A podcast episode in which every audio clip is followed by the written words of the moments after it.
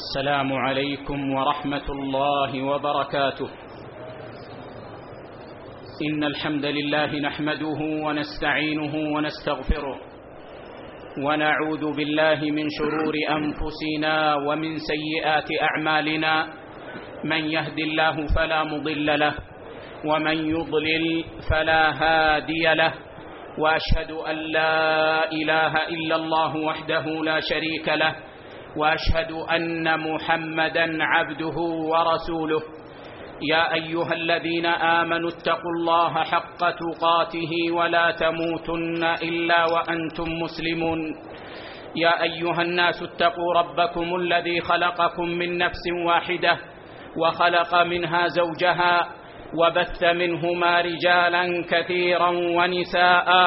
واتقوا الله الذي تساءلون به والأرحام. ان الله كان عليكم رقيبا. يا ايها الذين امنوا اتقوا الله وقولوا قولا سديدا.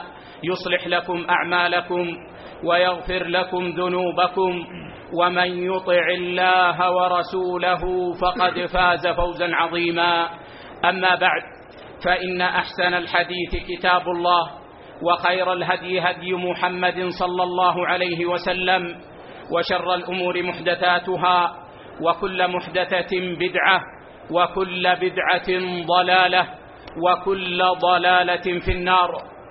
ثم يا معاشر المؤمنين نواصل شرحنا للكتاب النافع الموسوم بالقواعد والأصول الجامعة والفروق والتقاسيم البديعة النافعة. ونشرع في مجلسنا هذا في شرح القاعدة الثانية التي سطرها الشيخ ابن سعدي رحمه الله عز وجل في هذا الكتاب. فيتفضل الشيخ ياسين وفقه الله يقرأ لنا. الحمد لله والصلاة والسلام الأتمان الأكملان على خير خلق الله وعلى آله وصحبه ومن والاه. أما بعد يقول المصنف رحمة الله عليه القاعدة الثانية الوسائل لها أحكام المقاصد فما لا يتم الواجب إلا به فهو واجب وما لا يتم المسنون إلا به فهو مسنون وطرق الحرام والمكروهات تابعة لها ووسيلة المباح مباح ويتفرع عليها أن توابع الأعمال ومكملاتها تابعة لها. نعم. هذه القاعدة قاعدة عظيمة شريفة وذلك أن الأمور إما أن تكون مطلوبة الفعل من الشرع وإما أن تكون مطلوبة الترك من الشرع وإما أن يخير العبد بين الفعل والترك على حد سواء. فهذه الأمور الخمسة الواجبات والمستحبات والمحرمات والمكروهات والمباحات التي جاءت بها الأدلة تسمى بالمقاصد أي أنها مطلوبة بذاتها. فالصلاة مقصد أي أنه يقصد فعلها وزيارة الأقارب مقصد أي أنه طلب فعلها بذاتها وترك الزنا مقصد أي أن الشارع قد طلب ترك الزنا بذاته وترك الذهاب إلى الأسواق من غير حاجة مقصد لأنه مطلوب شرعا والمباح مقصد أي أن المكلف مخير فيه. هذه المقاصد أو المطلوبات لها مقدمات تسبقها. ولها لواحق تلحقها. لها مقدمات تكون قبلها. يسميها بعض أهل العلم بالوسائل لأنه يتوسل بها إلى المطلوب. يوصل بها إلى المطلوب. ويسميها بعض أهل العلم بالمقدمات لأنها تكون أمام هذه المقاصد. ولها أيضا توابع تكون بعدها. يسميها بعض أهل العلم بالتوابع ويسميها بعضهم بالزوائد ويسميها بعضهم بالمتممات. وأضرب لكم مثالا. صلاة الجماعة للرجل مقصودة مطلوبة طيب لها مقدمة وهي أن يخرج الرجل من بيته إلى المسجد. هذه وسيلة ولها تابع وهو أن يعود العبد من المسجد إلى بيته. فالوسائل لها أحكام المقاصد. والمقدمات يا إخوة إما أن تكون مقدمات للوجوب وإما أن تكون مقدمات للواجب. إما أن تكون وسائل للوجوب لو لم توجد لما وجب الشيء أصلا. وهذه لا تطلب من المكلف ولا يكون لها حكم المقصد. أعطيكم مثالا الزكاة لا تجب إلا على من ملك نصابا.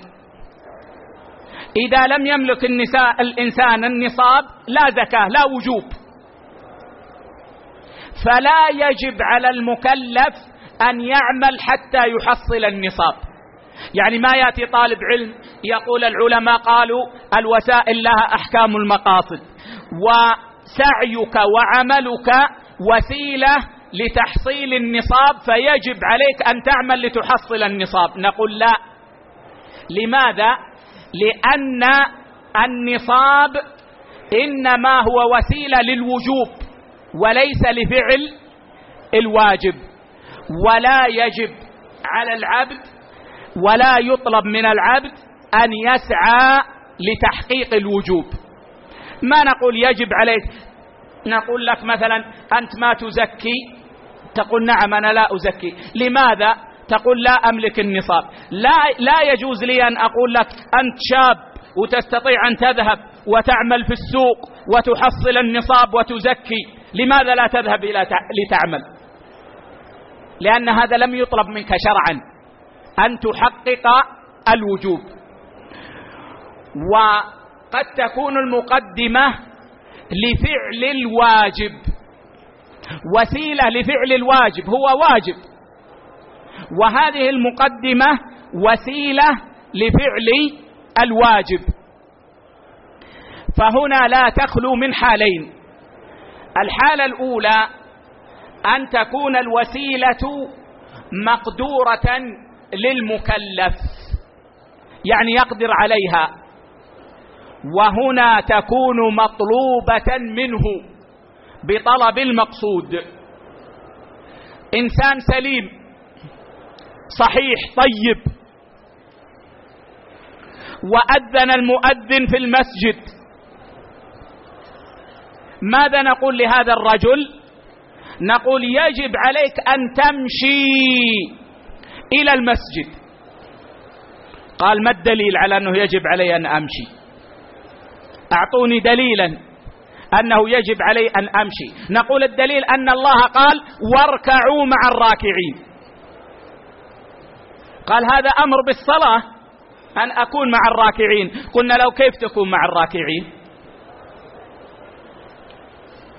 لا تكون مع الراكعين إلا إذا مشيت وسعيت. اذا وجب عليك أن تسعى. لكن لو أن إنسانا مريضا مرضا شديدا في بيته أو مشلولا فهذا الرجل لا يستطيع أن يمشي. لا يستطيع أن يمشي فهو غير قادر على الوسيلة. ففي هذه الحال لا نقول إنها تجب عليه لأن الوجوب فرع الاستطاعة وهذا لا يستطيع. اذا الوسيلة التي هي لفعل الواجب أو فعل المطلوب كما سيأتي إن شاء الله لكن نمثل بالواجب ليتضح الحال. إن كانت في مقدور المكلف وجبت عليه. القاعدة تقول الوسائل لها أحكام المقاصد. والمقدمات تأخذ حكم المقصد في الحكم والفضل والأجر. حكم المقصد في الحكم والأجر. فإذا كان المقصود واجبا فالوسيلة واجبة. كما مثلنا. وإذا كان المقصود مستحبا فالوسيلة مستحبة. زيارة الإخوان في الله مستحبة. من أعظم القربات أن تزور أخاك في قريته في بيته لا يحركك لزيارته إلا أنك تحبه في الله. مستحبة. فالمشي للزيارة مستحب. صلاتك في مسجد قباء. صلاتك في مسجد قباء مستحبة. فالمشي إلى مسجد قباء أو السعي إلى مسجد قباء مستحب. إدخال السرور على المسلم مستحب. فذهابك وسعيك إلى أخيك المسلم لتحدثه لتدخل السرور على قلبه مستحب.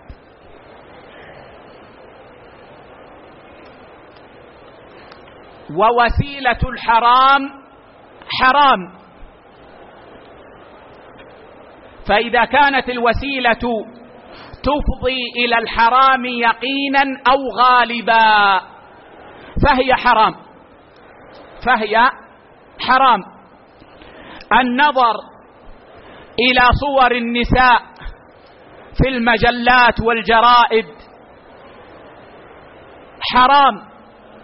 لأنه وسيلة إلى أن يتعلق القلب بأولئك النساء ويقود إلى الوقوع فيما حرم الله.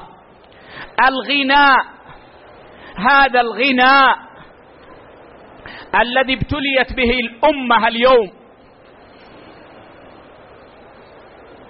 لو لم يرد نص على تحريمه لقلنا إنه حرام. لأنه بريد الزنا. يرقق القلب للوقوع في الحرام. فهو وسيلة إلى الحرام. فالوسيلة إلى الحرام حرام.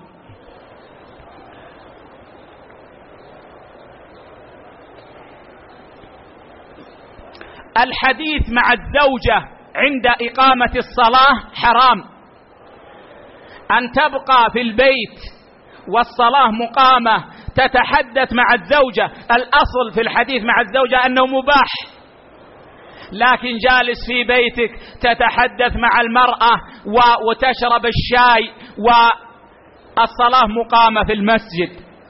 يصبح حديثك مع الزوجة هنا حرام لأنه وسيلة إلى الحرام وهو ترك صلاة الجماعة. شرب الشاي هنا يصبح حراما. لأنه وسيلة إلى ترك الواجب وهذا حرام. ووسيلة المكروه مكروهة. الوسيلة التي تفضي إلى المكروه غالبا أو يقينا مكروهة. ومن ذلك مثلا أن أهل العلم يقولون إن الذهاب إلى السوق من غير حاجة مكروه. لماذا؟ لأن أبغض البقاع إلى الله الأسواق. فالذهاب إلى هذه البقاع التي يبغضها الله عز وجل من غير حاجة مكروه. مما ابتلي به المسلمون اليوم أن الرجل ربما يعني رأى في امرأته مللا في البيت قال تعالي نذهب نتمشى في السوق. الذهاب إلى السوق من غير حاجة مكروه. فالمشي إلى السوق من غير حاجة مكروه. وسيلة المباح مباحة. كونك تتحدث مع إخوانك في أمور الدنيا من غير محرم هذا مباح. فذهابك إلى المجالس التي تتحدث فيها مع الناس بالكلام المعتاد مباح.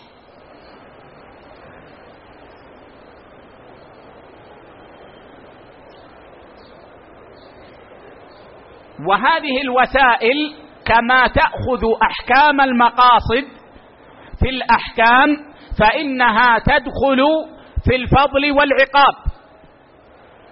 فوسيلة الواجب يثاب عليها الإنسان كما يثاب على فعل واجب. وسيلة المستحب يثاب عليها الإنسان.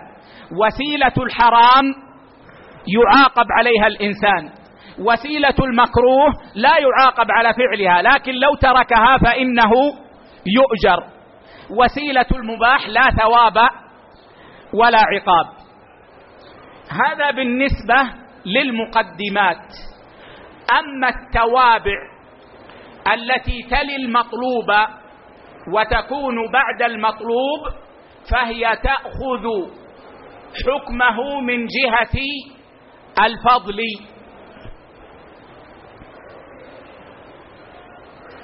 فإذا صليت ورجعت إلى البيت فإنك تثاب على خطواتك إلى البيت. ولذلك يا إخوة المسلم إذا خرج إلى الصلاة يكتب من المصلين من حين خروجه من بيته إلى أن يرجع إلى بيته. هو مكتوب من المصلين. من حين يخرج من البيت إلى أن يرجع إلى البيت. يكتب من المصلين.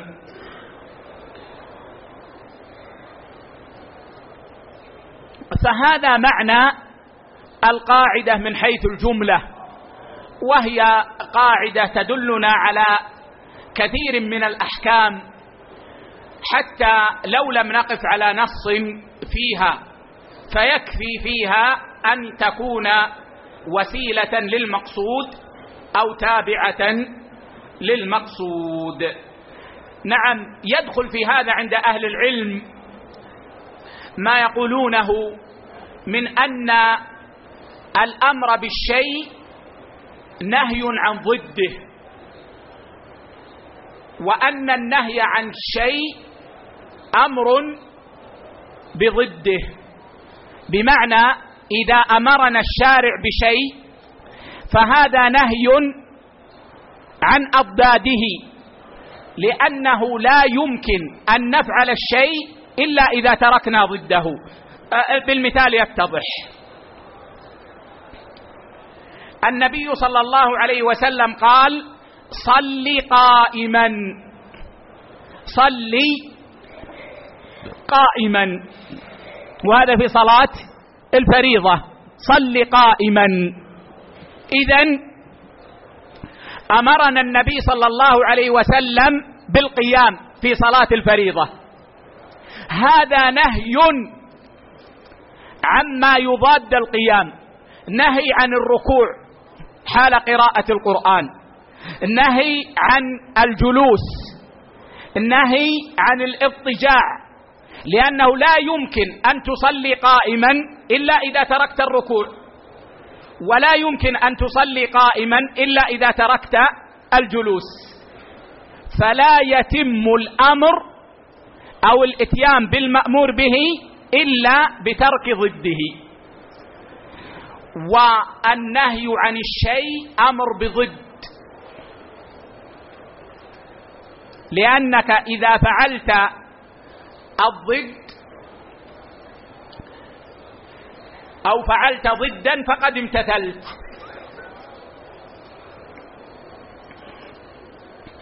لو فرضنا أنه قيل لا تصلي قاعدا لا تصلي قاعدا فهذا أمر بضد. يعني لو صليت قائما هل امتثلت النهي أو لم امتثل؟ امتثلت لم أصلي قاعدا. طيب لو صليت مضطجعا امتثلت النهي أو لم أمتثل؟ امتثلت. فتركت ما نهيت عنه.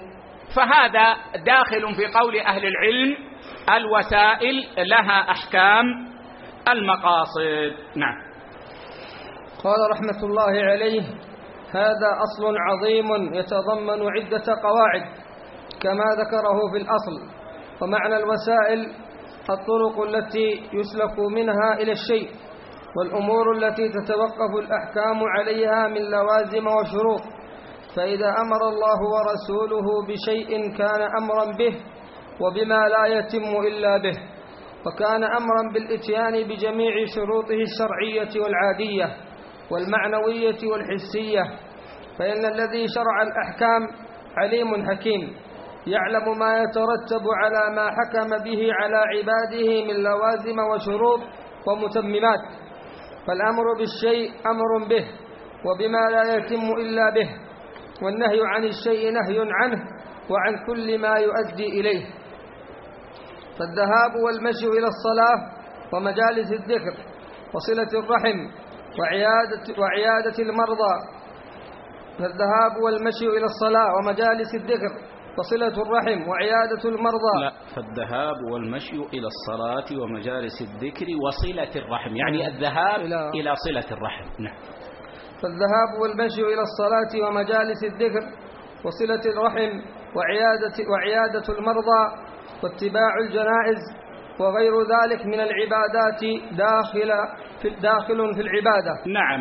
يعني لما أمرنا بالصلاة كنا مأمورين بأن نمشي إليها يعني صلاة الجماعة. ولما آه، أمرنا بطلب العلم وطلب العلم كما سيأتي قد يكون فرض عين وقد يكون فرض كفاية وقد يكون مستحبا فيكون المشي بحسب حكم العلم علينا. وكذلك صلة الرحم وعيادة المرضى واتباع الجنائز. نعم. قال وكذلك الخروج إلى الحج والعمرة والجهاد في سبيل الله من حين يخرج ويذهب من محله إلى أن يرجع إلى مقره وهو في عبادة لأنها وسائل للعبادة ومتممات لها. قال تعالى ذلك بأنهم لا يصيبهم ظمأ ولا نصب ولا مخمصة في سبيل الله ولا يطؤون موطئا يغيظ الكفار ولا ينالون من عدو نيلا إلا كتب لهم به عمل صالح. إن الله لا يضيع أجر المحسنين. ولا ينفقون نفقة صغيرة ولا كبيرة ولا كبيرة ولا يقطعون واديا إلا كتب لهم ليجزيهم الله أحسن ما كانوا يعملون. والمقصود أن من خرج إلى الجهاد يؤجر في طريقه. وعلى ما يقع له في الطريق وعلى ما يبذله في الجهاد فكله يؤجر عليه لأن هذا من وسائل الجهاد. نعم. قال رحمة الله عليه وفي الحديث الصحيح من سلك طريقا يلتمس فيه علما سلك الله به طريقا إلى الجنة. وقد تكاثرت الأحاديث الصحيحة في ثواب المشي إلى الصلوات وأن كل خطوة يخطوها تكتب له حسنة وتمحى عنه سيئة. وفسر قوله تعالى إنا نحن, إنا نحن نحيي الموتى ونكتب ما قدموا وآثارهم أي نقل خطاهم وأعمالهم للعبادات أو لضدها. نعم في قول الله عز وجل إنا نحن نحيي الموتى ونكتب ما قدموا وآثارهم. قال بعض أهل العلم ونكتب ما قدموا أي نكتب أعمالهم التي عملوها وآثارهم. قالوا معنى الآثار هنا الخطوات إلى العمل. فنكتب خطواتهم إلى العمل. لكن الذي عليه أكثر المفسرين أن معنى قول الله عز وجل ونكتب ما قدموا أي ما عملوه في حياتهم حال كونهم أحياء وآثارهم أي ما لحقهم بعد موتهم من ولد صالح يدعو لهم أو علم ينتفع به أو مصحف ورثوه أو صدقة جارية أو نحو ذلك فيكتب لهم ما عملوه في حياتهم وما لحقهم من آثارهم. وهذا الراجح في تفسير الآية والله أعلم. وإن كان أنه يكتب للإنسان الخطوات التي يخطوها دلت عليها أدلة كثيرة كالأحاديث التي وردت في فضل المشي إلى الصلاة والأحاديث التي وردت في فضل الحج وأنه يكتب للإنسان بالخطوات الحسنات وترفع عنه السيئات. نعم. قال رحمة الله عليه وكما أن نقل الأقدام للعبادات تابع لها فنقل الأقدام إلى المعاصي تابع لها. نعم والعياذ بالله. الخطوات إلى المعصية معصية. فإذا كان الإنسان يمشي إلى الحرام فإنه تكتب عليه هذه الخطوات سيئات والعياذ بالله. نعم. قال ومعصية أخرى فالأمر بالصلاة مثلا أمر بها وبما لا تتم الصلاة إلا بها من الطهارة والسترة والسترة. من الطهارة والسترة. السترة هنا المقصود بها ستر العورة. وليست السترة في الصلاة بأن يتخذ الإنسان سترة وهو يصلي وإنما المقصود هنا أن يستر عورته. نعم. واستقبال القبلة وبقية شروطها وكذلك أمر بتعلم أحكامها التي لا تتم إلا به. نعم. وهذا أمر مهم جدا يا إخوة وهو أن المؤمن يجب عليه أن يتعلم الأحكام اللازمة لما كلف به. وجبت عليه الصلاة. يجب أن يتعلم الأحكام اللازمة للصلاة. وجبت عليه الزكاة. يجب أن يتعلم أحكام الزكاة فيما وجب عليه. أنا عندي إبل. يجب أن أتعلم أحكام زكاة الإبل. أنا عندي ذهب. يجب أن أتعلم أحكام زكاة الذهب. وهكذا. وهذا معنى قول النبي صلى الله عليه وسلم طلب العلم فريضة على كل مسلم. فيجب على المسلم أن يتعلم الأحكام اللازمة لما كلف به. نعم. قال رحمة الله عليه وكذلك بقية العبادات فما لا يتم الواجب والمسنون إلا به فهو واجب للواجب ومسنون للمسنون. ومن فروع هذا الأصل قول العلماء إذا دخل الوقت على عادم الماء لزمه طلبه في المواضع التي يرجو حصوله فيها.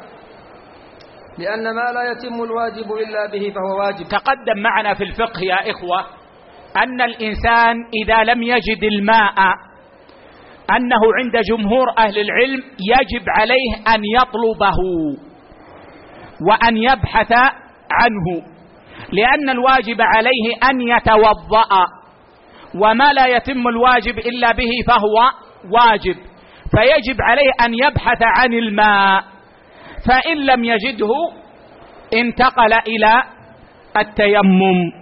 وبينت لكم في الدرس أن الراجح من أقوال أهل العلم أن طلب الماء يكون بحسب ما جرت به العادة من النظر في متاعه والنظر فيما حوله. فهذا واجب لأنه لا يتم الواجب إلا به. نعم. قال رحمة الله عليه لأن ما لا يتم الواجب إلا به فهو واجب. ويلزمه أيضا شراؤه وشراء السترة الواجبة بثمن المثل أو زيادة لا تضر. ومن فروعها نعم تقدم معنا ان أنه إذا وجد الماء يباع بثمن مثله وهو قادر على الشراء يجب عليه أن يشتري الماء ليتوضأ.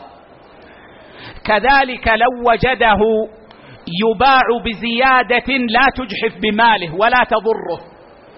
فإنه يجب عليه أن يشتري الماء. أما إذا وجد أنهم يغالون في الأسعار ويبيعونه بزيادة ضارة فلا يجب عليه أن يشتري الماء بل يتيمم مباشرة. نعم.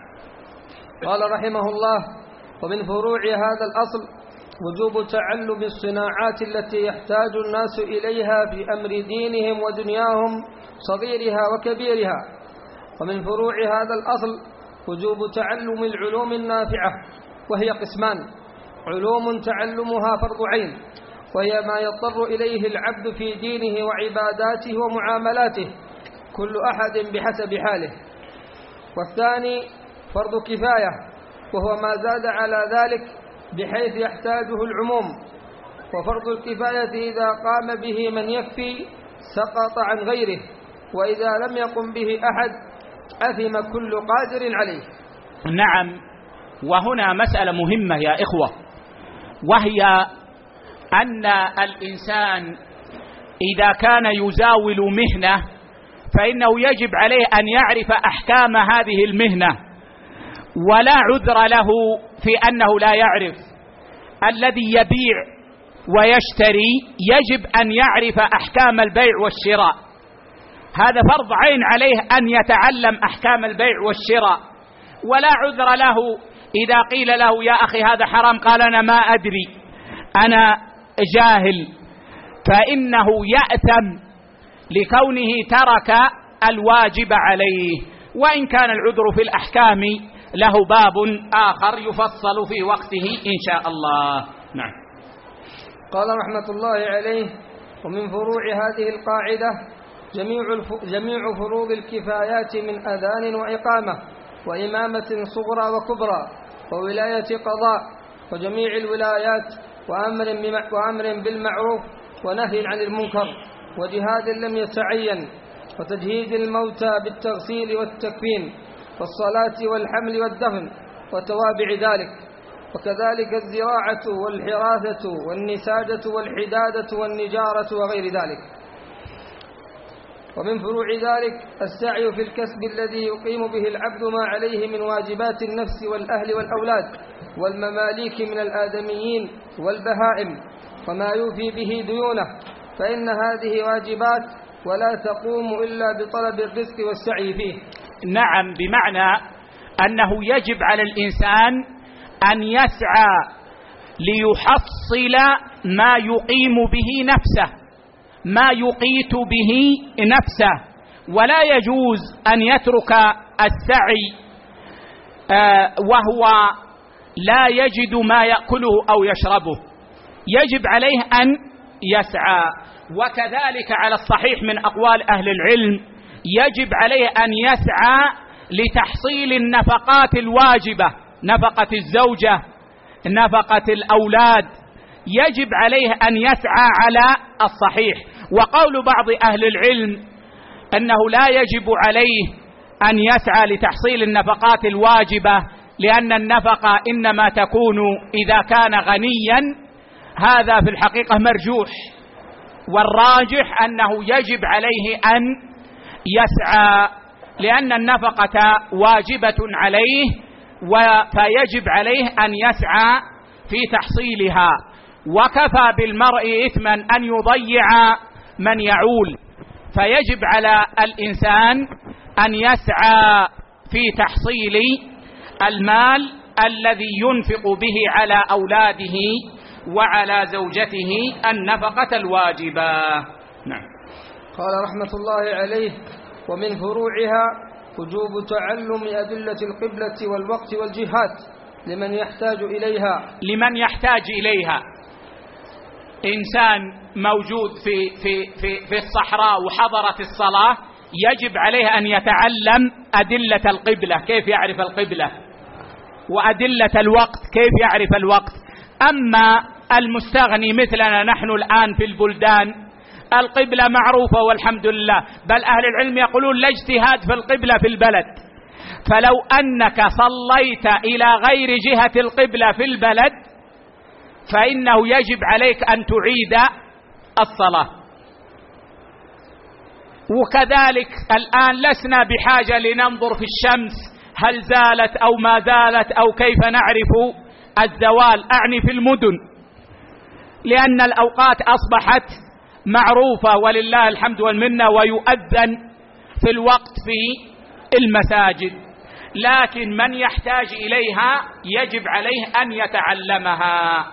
لأنها وسيلة إلى الواجب. نعم. قال رحمة الله عليه ومن فروعها أن العلوم الشرعية قسمان أحدهما مقاصد وهو علم الكتاب والسنة والثاني وسائل إليها مثل علوم العربية بأنواعها فإن معرفة الكتاب والسنة وعلومهما تتوقف أو يتوقف أكثرها على معرفة علوم العربية. ولا تتم معرفتهما إلا بها فيكون الاشتغال بعلوم العربية لهذا الغرض تابعا للعلوم الشرعية. ومن فروعها أن كل مباح توصل به إلى ترك واجب أو فعل محرم فهو محرم. نعم. سواء قصد الإنسان أن يتوسل به إلى ترك الواجب أو فعل المحرم أو لم يقصد. ما دام أنه يوصل إلى ترك الواجب يصبح حراما. ما دام أنه يوصل إلى فعل الحرام يصبح حراما. قصد أو لم يقصد. إنسان جالس في بيته ويتحدث مع زوجته وأقيمت الصلاة. يجب عليه أن يسعى إلى المسجد.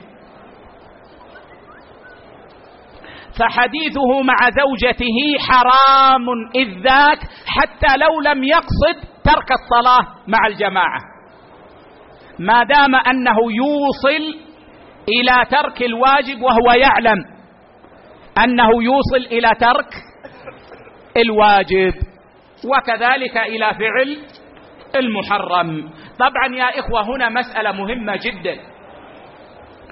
وهو أنه يشترط في توصيله إلى ترك الواجب أو فعل المحرم أن يكون معلوما أو غالبا. أما إذا كان متوهما فلا يقال إنه حرام. يعني يا إخوة لو جاء طالب علم إلى مزارع وقال يا أخي أنت تزرع العنب وزراعة العنب حرام. زراعة العنب حرام. قال له لماذا زراعة العنب حرام؟ قال لأن زراعة العنب تؤدي ووسيلة إلى صنع الخمر. وسيلة إلى صنع الخمر. والوسيلة التي يتوسل بها إلى الحرام حرام. نقول لطالب العلم هنا أنت نصف فقيه ونصف الفقيه يفسد أكثر مما يفسده نصف الطبيب.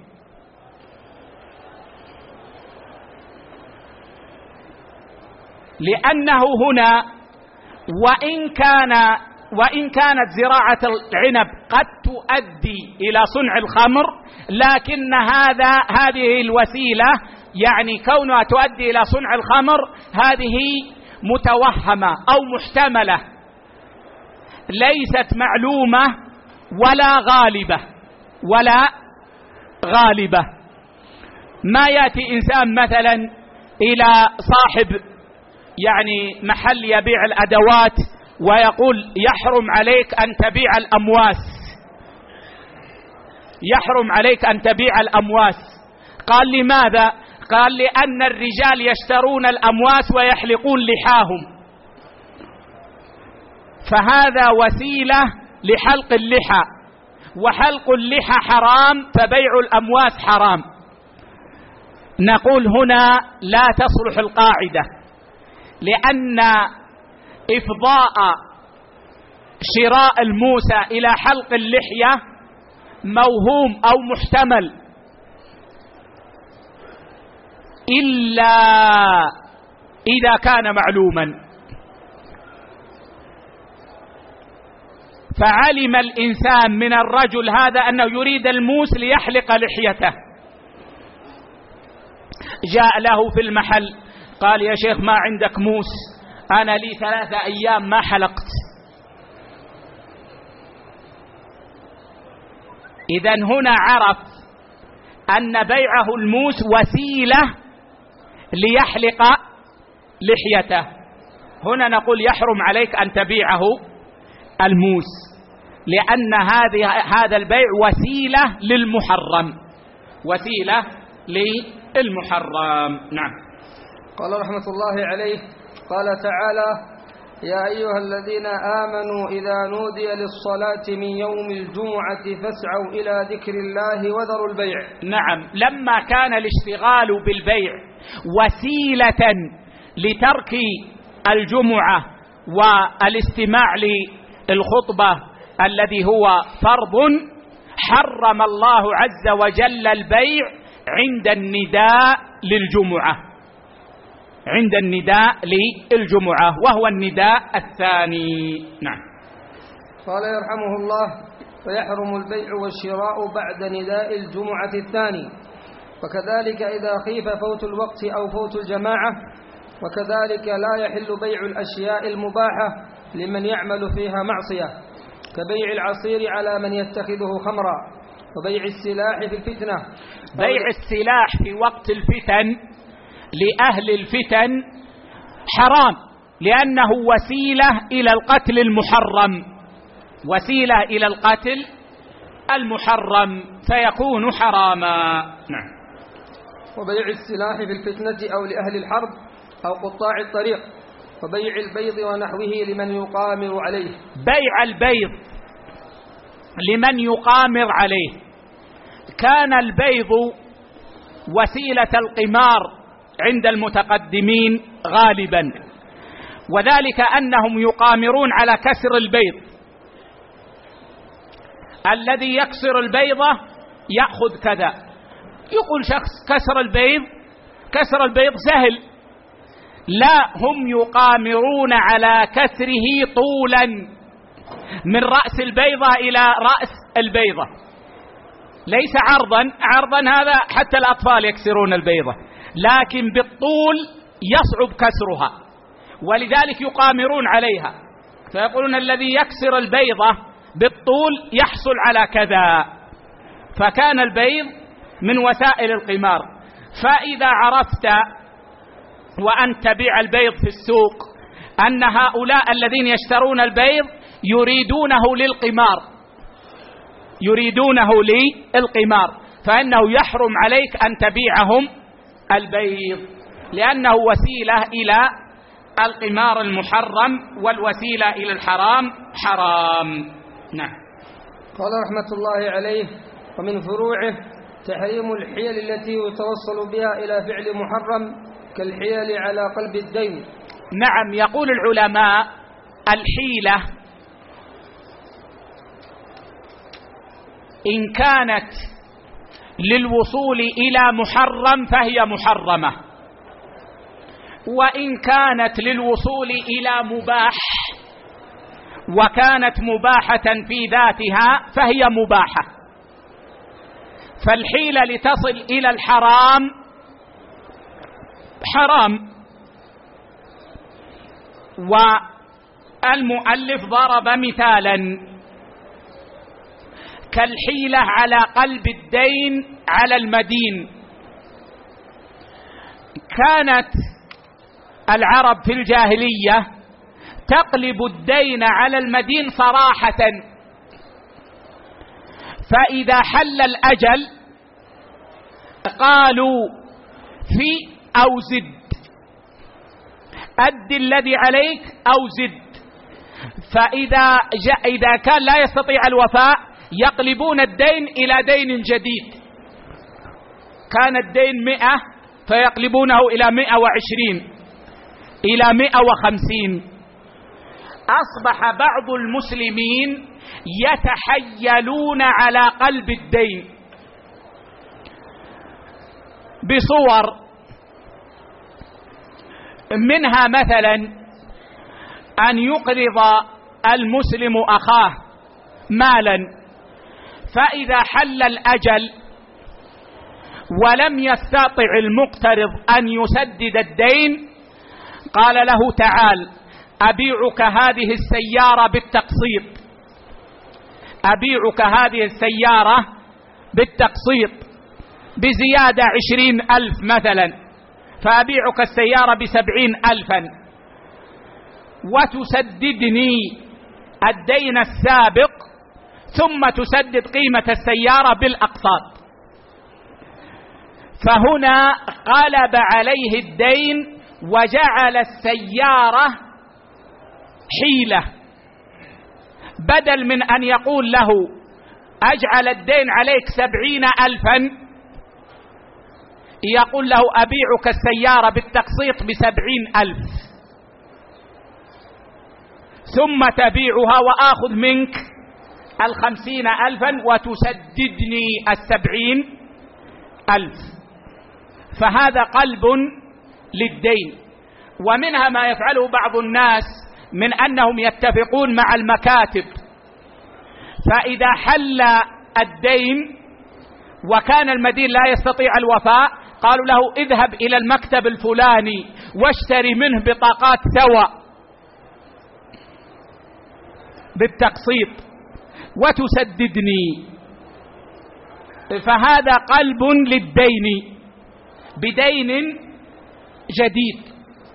هذا لا يجوز. لكن لو أن الإنسان عليه دين أنا مطالب بسبعين ألف وأجلها هذا الشهر. وقلت والله أنا أستحي ألا أفي في الوقت. وأنا ما عندي. فأنا سأذهب إلى السوق وأشتري سيارة بالتقسيط وأبيعها في السوق بعيدا عن صاحب الدين صاحب المال. ثم آتي بالمال وأعطيه لصاحب الدين في وقته. هذا جائز لأنه ليس حيلة على قلب الدين وإنما هذا تصرف منفصل. وكذلك بيع العينة. بيع العينة حرام لأنه وسيلة إلى الربا حيلة على الربا.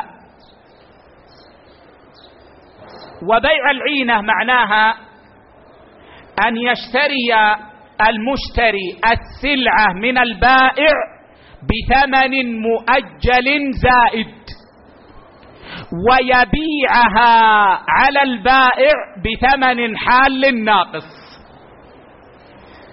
يأتيه وهذا كيس الرز موجود. أكياس الأرز موجودة. فبدل من أن يقول له أقرضني عشر آلاف أردها آه خمسة عشر ألفا يقول أشتري منك هذه الأكياس بخمسة عشر ألف مقسطة. بعتك. ثم يقول له بعتك هذه الأكياس بعشر آلاف. فيقول اشتريت. فيقول اشتريت. ويعطيه عشر آلاف. ويسدد كم؟ خمسة عشر ألفا. جعلوا السلعة حيلة. فهذه حيلة للحرام فهي حرام. والحيلة إلى الحلال حلال.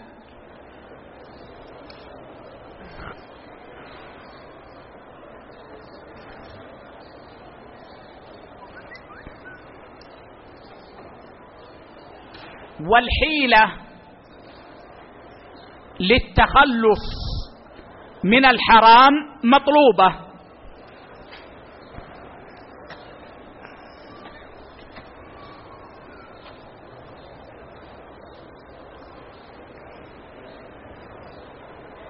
اتصل بك شخص وقال أريد رقم فلان أريد رقم فلان. وأنت تعرف أن هذا الرجل يعني صاحب غيبة أو سيء الأدب أو نحو ذلك أو يريد سوءا بصاحب الرقم. فمسحت الرقم من هاتفك؟ وقلت ليس عندي. الآن بعض الناس يعملون حيلة. معهم هاتفان. فإذا قال اتصل وقال أعطني رقم فلان قال ليس في هاتفي. ويعني الهاتف الذي ليس فيه الاسم. حيلة ليتخلص من طلب هذا الرجل سواء كان طلبه مباحا لكن اللسان يتحرج من إعطاء أرقام الآخرين أو كان هذا الرجل يؤدي إلى يعني حرام. آه وأيضا يدخل في هذا عند أهل العلم ما يسمى بالمعاريض فإنها حيلة للتخلص. جاء شخص يطرق عليك البيت وهذا الشخص صاحب غيبة. لا يجلس في مجلس إلا ويغتاب. فما تريد أن تقابله. فاضطجعت في فراشك. وقلت لابنك قل له أبي راقد. قل له أبي راقد. وراقد تطلق على المضطجع وعلى النائم. فإذا قال له أبي راقد يفهم أنه نائم. فيذهب. فهذه حيلة للتخلص من مثل هذا. فالحيلة إلى الحرام حرام والحيلة إلى المباح مباحة والحيلة إلى المشروع مشروعة نعم.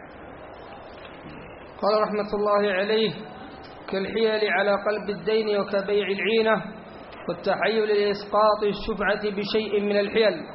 فتحرم هذه الحيل. التحيل على إسقاط الشفعة بشيء من الحيل وعندنا في نسختنا بالوقف.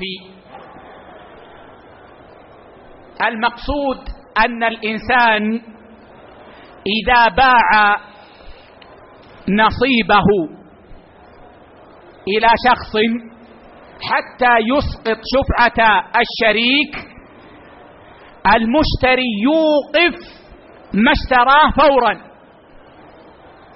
يعني مثلا أنا وأنت شريكان في عمارة. لو بعت أنا نصيبي فلك الشفعه شرعا. لك أن تأخذ نصيبي بالثمن. جيد؟ لكن أنا أريد أن أبيع نصيبي. وقلت للرجل الذي أريد أن أبيعه نصيبي أنا سأبيعك نصيبي.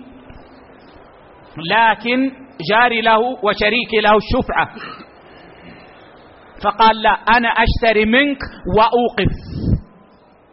أجعلها وقفا. لأن الوقف يسقط الشفعة. فاشترى منه نصيبه.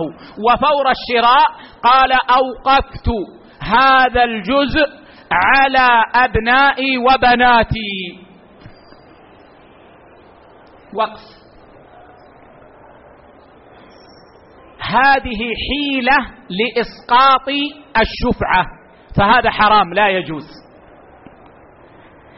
أو بأن يهب ما اشتراه لغيره. لأن العلماء يقولون إذا نقله بغير عوض سقطت الشفعة. إذا نقله إلى غيره بغير عوض سقطت الشفعة. فهذه إذا كان المقصود بها إسقاط الشفعة فهذه حيلة محرمة. نعم. قال رحمة الله عليه ولا تفيد صاحبها حل المحرم والتحليل في النكاح ومن فروعها قتل الموصى له للموصي وقتل الوارث لمورثه يعاقبان بنقيض قصدهما فتبطل الوصية في حق القاتل. ولا يرث من مورثه شيئا. ومن فروعها عضل الزوجة عضل الزوج لزوجته بغير حق لتعطيه شيئا من المال ليطلقها. نعم عضل الزوجة هنا يا إخوة المقصود به إساءة عشرتها ليضيق عليها لتطلب الخلع. هو يريد أن يفارقها لكن ما يريد أن يفارقها بغير شيء يريد أن يربح. فماذا يفعل؟ يسيء عشرتها حتى تطلب هي الطلاق بمقابل بخلع. فإذا دخل البيت دخل مكفهر عابس الوجه. ويسبها ويشتمها ويشتم والديها ووالدي والديها. من أجل أن يضيق عليها حتى تقول اتركني وخذ كذا. هذا المقصود هنا بعضل الزوجة.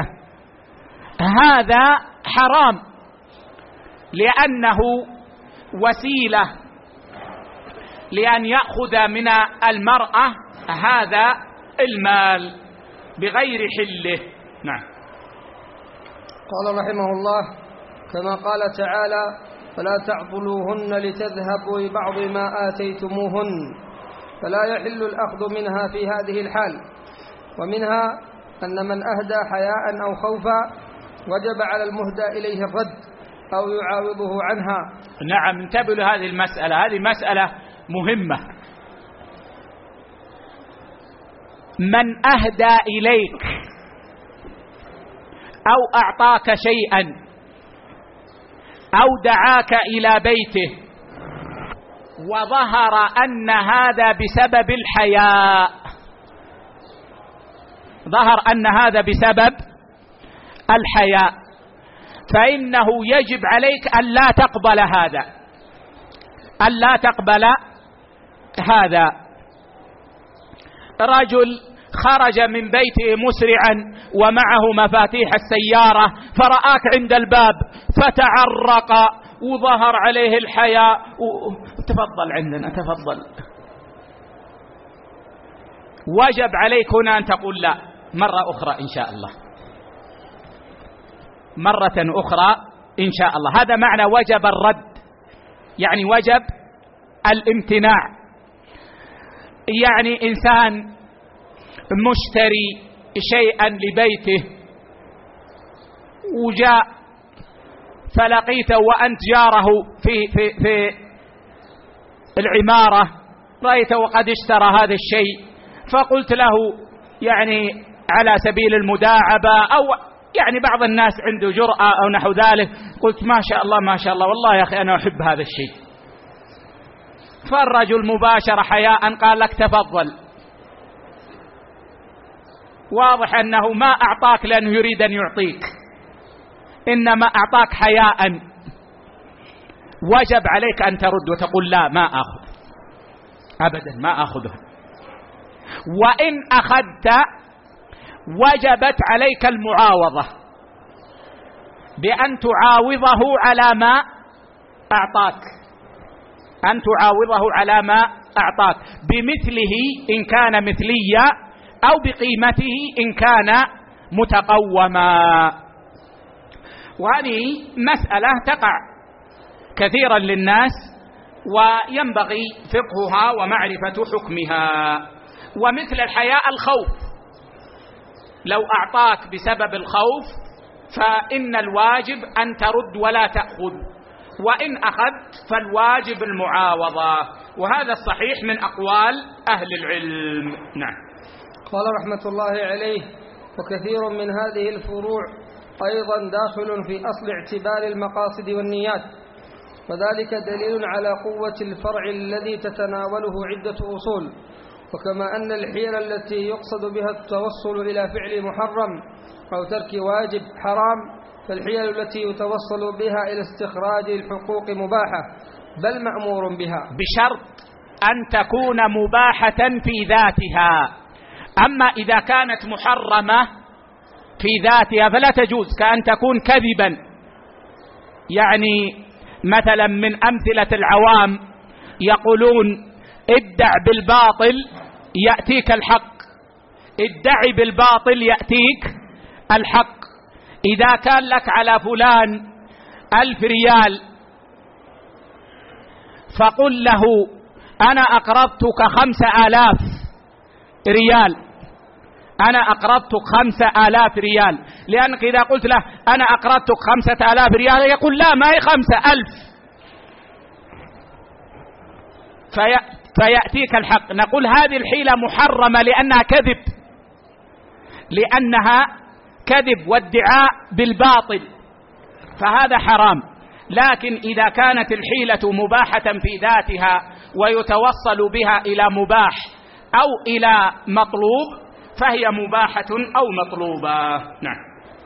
قال رحمة الله عليه فالعبد مأمور باستخراج حقه والحق والحق المتعلق به بالطرق الواضحة والطرق الخفية. قال تعالى لما ذكر لما ذكر تحيل يوسف عليه الصلاة والسلام لبقاء أخيه عنده كذلك كدنا ليوسف. نعم يوسف عليه السلام فعل حيلة ليبقي أخاه عنده. فجعل صواع الملك في رحل أخيه. وحصلت القصة المعروفة. فهذه حيلة من يوسف عليه السلام يتوصل بها إلى أمر مطلوب تترتب عليه مصلحة وهو ما حدث بعد ذلك في قصة يوسف عليه السلام مع إخوته فهذه حيلة مباحة. نعم. قال يرحمه الله ومثله الحيل التي تسلم بها النفوس والأموال كما فعل الخضر بخرقه للسفينة لتعيد فتسلم من غصب الملك الظالم فالحيلة تابعة للمقصود حسنها وقبيحها. ومن فروعها أن الله قال إن الله يأمركم أن تؤدوا الأمانات إلى أهلها. والأمانات كل مال اؤتمن عليه العبد وولي, وولي عليه من وديعة وعين مؤجرة ومرهونة وولاية مال يتيم ونظارة وقف ووكيل ووصي ونحوها.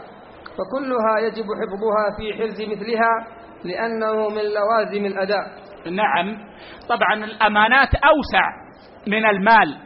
لكن هذا من الأمانات. فوسيلة حفظ المال واجبة. إذا أعطيت كتابا ما يجوز أن تضعه في المطبخ. عرضة للماء. يجب أن تضعه في مكان مثله في المكتبة ونحو ذلك. إذا أعطيت ذهبا وديعة عندك لا يجوز أن تضعه في الصالة. يراه كل أحد وإنما تضعه في المكان الذي يوضع فيه الذهب عادة وهذا واجب عليك لأن أداء الأمانة واجب ووسيلة أداء الأمانة واجبة. فالوسائل لها أحكام المقاصد. نعم. قال رحمه الله وكذلك الإنفاق عليها إذا كانت ذات روح. ومن وسائل أدائها عدم التفريط طبعا فيها. الإنفاق عليها إذا امتنع صاحبها عن الإنفاق عليها وإلا فالأصل أن الإنفاق على صاحبها. لكن إذا امتنع فإنه يجب على الإنسان أن ينفق عليها ويجوز له أن ينتفع بها بمقدار ما أنفق عليها. نعم. قال رحمه الله ومن وسائل أدائها عدم التفريط والتعدي فيها. ومن فروع هذا الأصل عدم التفريط والتعدي. ما هو التفريط؟ التفريط أن يهمل. أن يهمل. فلا يحفظها مثلا في مكان مثلها. والتعدي أن يفعل حراما بها. أن يفعل ممنوعا. أن يفعل ممنوعا. فلو وضع الذهب في مكان في المطبخ أو نحو ذلك فهذا تفريط إهمال. ولو ألبس الذهب لابنته وخرجت ابنته بالذهب إلى الشارع وسرق فهذا تعدي لأنه فعل ما لا يجوز له. نعم. قال رحمة الله عليه ومن فروع هذا الأصل أن الله حرم الفواحش وحرم قربانها بكل وسيلة يخشى منها وقوع المحرم كالخلوة بالأجنبية والنظر المحرم. ولهذا قال النبي صلى الله عليه وعلى آله وسلم ومن وقع في الشبهات وقع في الحرام كالراعي يرعى حول الحمى يوشك أن يقع فيه. ألا وإن لكل ملك حمى ألا وإن حمى الله محارمه. ومن فروعها النهي عن كل ما يحدث العداوة والبغضاء كالبيع على بيع المسلم والعقد على عقده والخطبة على على خطبته وطلب الولاية والوظيفة إذا كان فيها أهل. نعم وانتبهوا لهذه الجملة. قال وطلب الوظيفة والولاية إذا كان فيها أهل. لا يجوز لك أن تطلب الوظيفة إذا كان متوليها أهلا لها. ويفهم من هذا أنه إذا كان متوليها ليس أهلا لها يجوز أن تطلبها. يجوز أن تطلبها لأن المصلحة العامة مقدمة على المصلحة الخاصة. فإذا كان متوليها خائنا يجوز أن تطلب أن تكون مكانه. وعلى كل حال المحبة والتقارب بين المؤمنين مطلوبة. فكل ما يؤدي إلى المحبة والتقارب بين المؤمنين مطلوب. وكل وسيلة تؤدي إلى العداوة والبغضاء. بين المؤمنين فهي ممنوعة. وما ذكره شيخ إنما هي أمثلة كالخطبة على خطبة أخيه والبيع على بيعه والسوم على سومه نعم. قال رحمة الله عليه كما أن من فروعها الحث على كل ما يجلب الصداقة من الأقوال والأفعال بحسب ما يناسب الحال. وقد خرج عن هذا الأصل النذر لحكمة اختص بها. كيف خرج عن هذا الأصل يا إخوة؟ الأصل يقول الوسائل لها أحكام المقاصد. طيب ألم يطلب منا شرعا النفي بالنذر من صفات المؤمنين المفلحين أنهم يوفون بالنذر؟ طيب كيف نفي بالنذر بدون أن نعقده؟ عقد النذر وسيلة للوفاء بالنذر. طيب المتقرر شرعا أن عقد النذر مكروه أو محرم. والوفاء بالنذر واجب إذا كان نذر طاعة. فهنا لم تكن الوسيلة لها حكم المقصود. المقصود واجب والوسيلة مكروهة أو محرمة. واضح يا إخوة؟ نعم. قال رحمة الله عليه لحكمة اختص بها فإن عقده مكروه والوفاء به واجب. لقوله صلى الله عليه وعلى آله وسلم من نذر أن يطيع الله فليطعه فعقده لا يأتي بخير وإنما يستخرج به من البخيل استخراجا غير محمود على عقده. ومن فروع هذا الأصل فعل كل سبب فعل كل سبب بغير حق يترتب عليه تلف نفس أو مال. وكما أن وسائل الأحكام حكمها حكمها فكذلك توابعها ومتمماتها. فالذهاب إلى العبادة عبادة وكذلك الرجوع منها إلى الموضع الذي منه ابتدأها. نعم لكن هنا يا إخوة لا يكون له الحكم. يعني المشي إلى البيت من المسجد لا يكون واجبا كالمشي من البيت من البيت المشي من المسجد إلى البيت لا يكون واجبا كالمشي من البيت إلى المسجد للصلاة. المشي من البيت إلى المسجد للصلاة واجب لأن صلاة الجماعة لا تتم إلا به. أما المشي من المسجد إلى البيت بعد الصلاة فليس بواجب لكن له فضيلة ويؤجر عليه الإنسان. نعم. قال رحمه الله القاعدة الثالثة المشقة تجلب التيسير. هذه قاعدة كبرى. لعلنا نقف هنا وغدا إن شاء الله عز وجل آه، سنجلس ونكمل إن شاء الله شرح القواعد الكبرى. وإن شاء الله يعني يوم الثلاثاء سننتهي من القواعد التي فيها إطالة. ثم يعني آه، ننتهي من بقية القواعد في يوم أو يومين ثم ننتقل إلى الفروق بحول الله وقوته. ونجيب على يعني سؤال أو سؤالين من أسئلة الإخوة. نعم. جزاكم الله خيرا وبارك فيكم ورفع قدركم في الدارين ونفعنا بما قلتم وغفر الله لنا ولكم وللمؤمنين. آمين.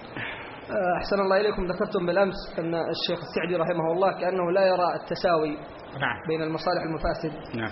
في رسالته هذه رسالة لطيفة آه، تكلم عن المصالح المفاسد. قال وهذا وعلى هذا الأصل الكبير تنبني مسائل كثيرة وعند التكافؤ فدرء المفاسد أولى من جلب المصالح.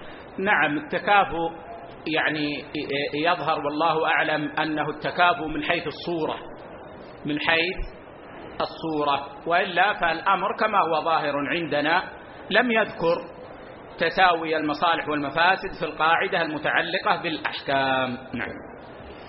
جزاكم الله خيرا وبارك فيكم.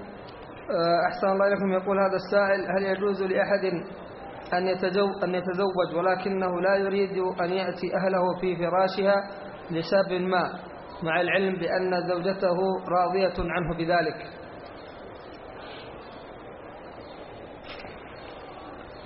النكاح يقول العلماء له مقاصد أصلية لا يجوز تعطيلها ومقاصده الأصلية هي حصول العفة وحصول الولد وديمومة العشرة ما أمكن.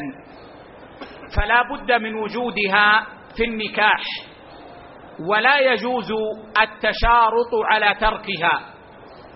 فلا يجوز أن يتزوج امرأة بشرط أن لا يجامعها أو يتزوج امرأة بشرط ألا تلد مطلقا ونحو ذلك فإن هذا يخالف مقصود النكاح الأصلي ويجعل النكاح الأصلي أو يجعل النكاح كالمعطل. فعليه يظهر لنا والله أعلم أن هذا الشرط لا يجوز أن يشترط عليها أن لا يجامعها. أو أن لا تلد أو نحو ذلك فهذا الشرط باطل. وإن كان العقد صحيحا. نعم. جزاكم الله خيرا وأحسن إليكم. هذا سائل عن طريق الشبكة يقول طلقت زوجتي لأنها لا تصلي ولا تلبس الجلباب وغير ذلك وعندي ولدان معها والآن هي حامل مني والجنين له أقل من شهر وهي تريد إسقاط هذا الجنين لأعذار مختلفة منها أنها لا تقدر على أن تتحمل في أثناء الحمل. وبعده فما حكم إسقاط هذا الجنين وما نصيحتكم لي؟ الجنين لا يجوز إسقاطه. حتى لو كان دون الأربعين على الصحيح من أقوال أهل العلم لا يجوز إسقاطه بدون سبب. أما إذا كان إسقاطه لحاجة ولأنه يؤدي إلى المشقة والحرج وكان دون الأربعين يوما واتفق الزوجان على إسقاطه فإنه يجوز إسقاطه ما دام دون الأربعين يوما لوجود الحاجة باتفاق الزوجين. ولا يجوز لأحدهما أن ينفرد بالأمر.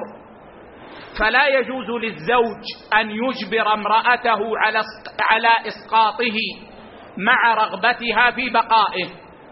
ولا يجوز للزوجة أن تسقطه بدون علم زوجها. على كل نقول إذا كان دون الأربعين ووجدت حاجة لإسقاطه. واتفق الزوجان على إسقاطه فإن إسقاطه جائز وإلا كان حراما. نعم. جزاكم الله خيرا وأحسن إليكم. يقول نحن من إحدى دول الكفر التي يعمل فيها بالمذهب الحنفي بل يجبر عليه كل من يعمل تحت المسؤولين عن أمور المسلمين. وأيام الشتاء عندنا قصيرة جدا وأحيانا يطيل الإمام خطبة الجمعة حتى يدخل وقت العصر. على قول الجمهور فكيف الحكم في هذه الحال؟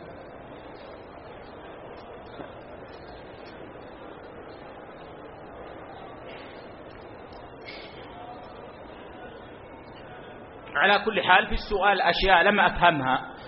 ككونهم مثلا يجبرون على المذهب الحنفي وهم في ديار الكفر. المعروف أنهم في ديار الكفر لا يجبرون على شيء.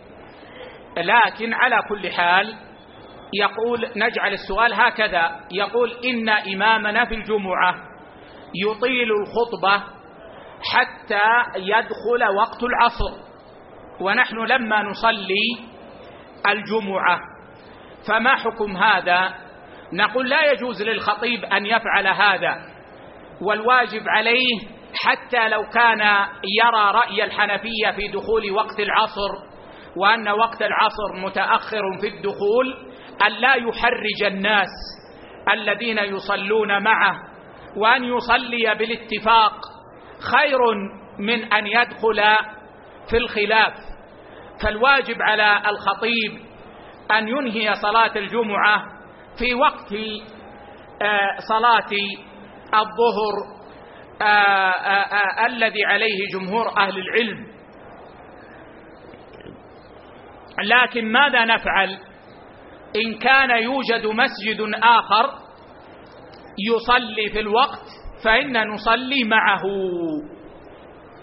أما إذا لم يوجد فإن نصلي مع هذا الإمام وتكون الصلاة صحيحة إن شاء الله. ولعل في هذا كفاية وموعدنا غدا إن شاء الله والله أعلم وصلى الله على نبينا وسلم.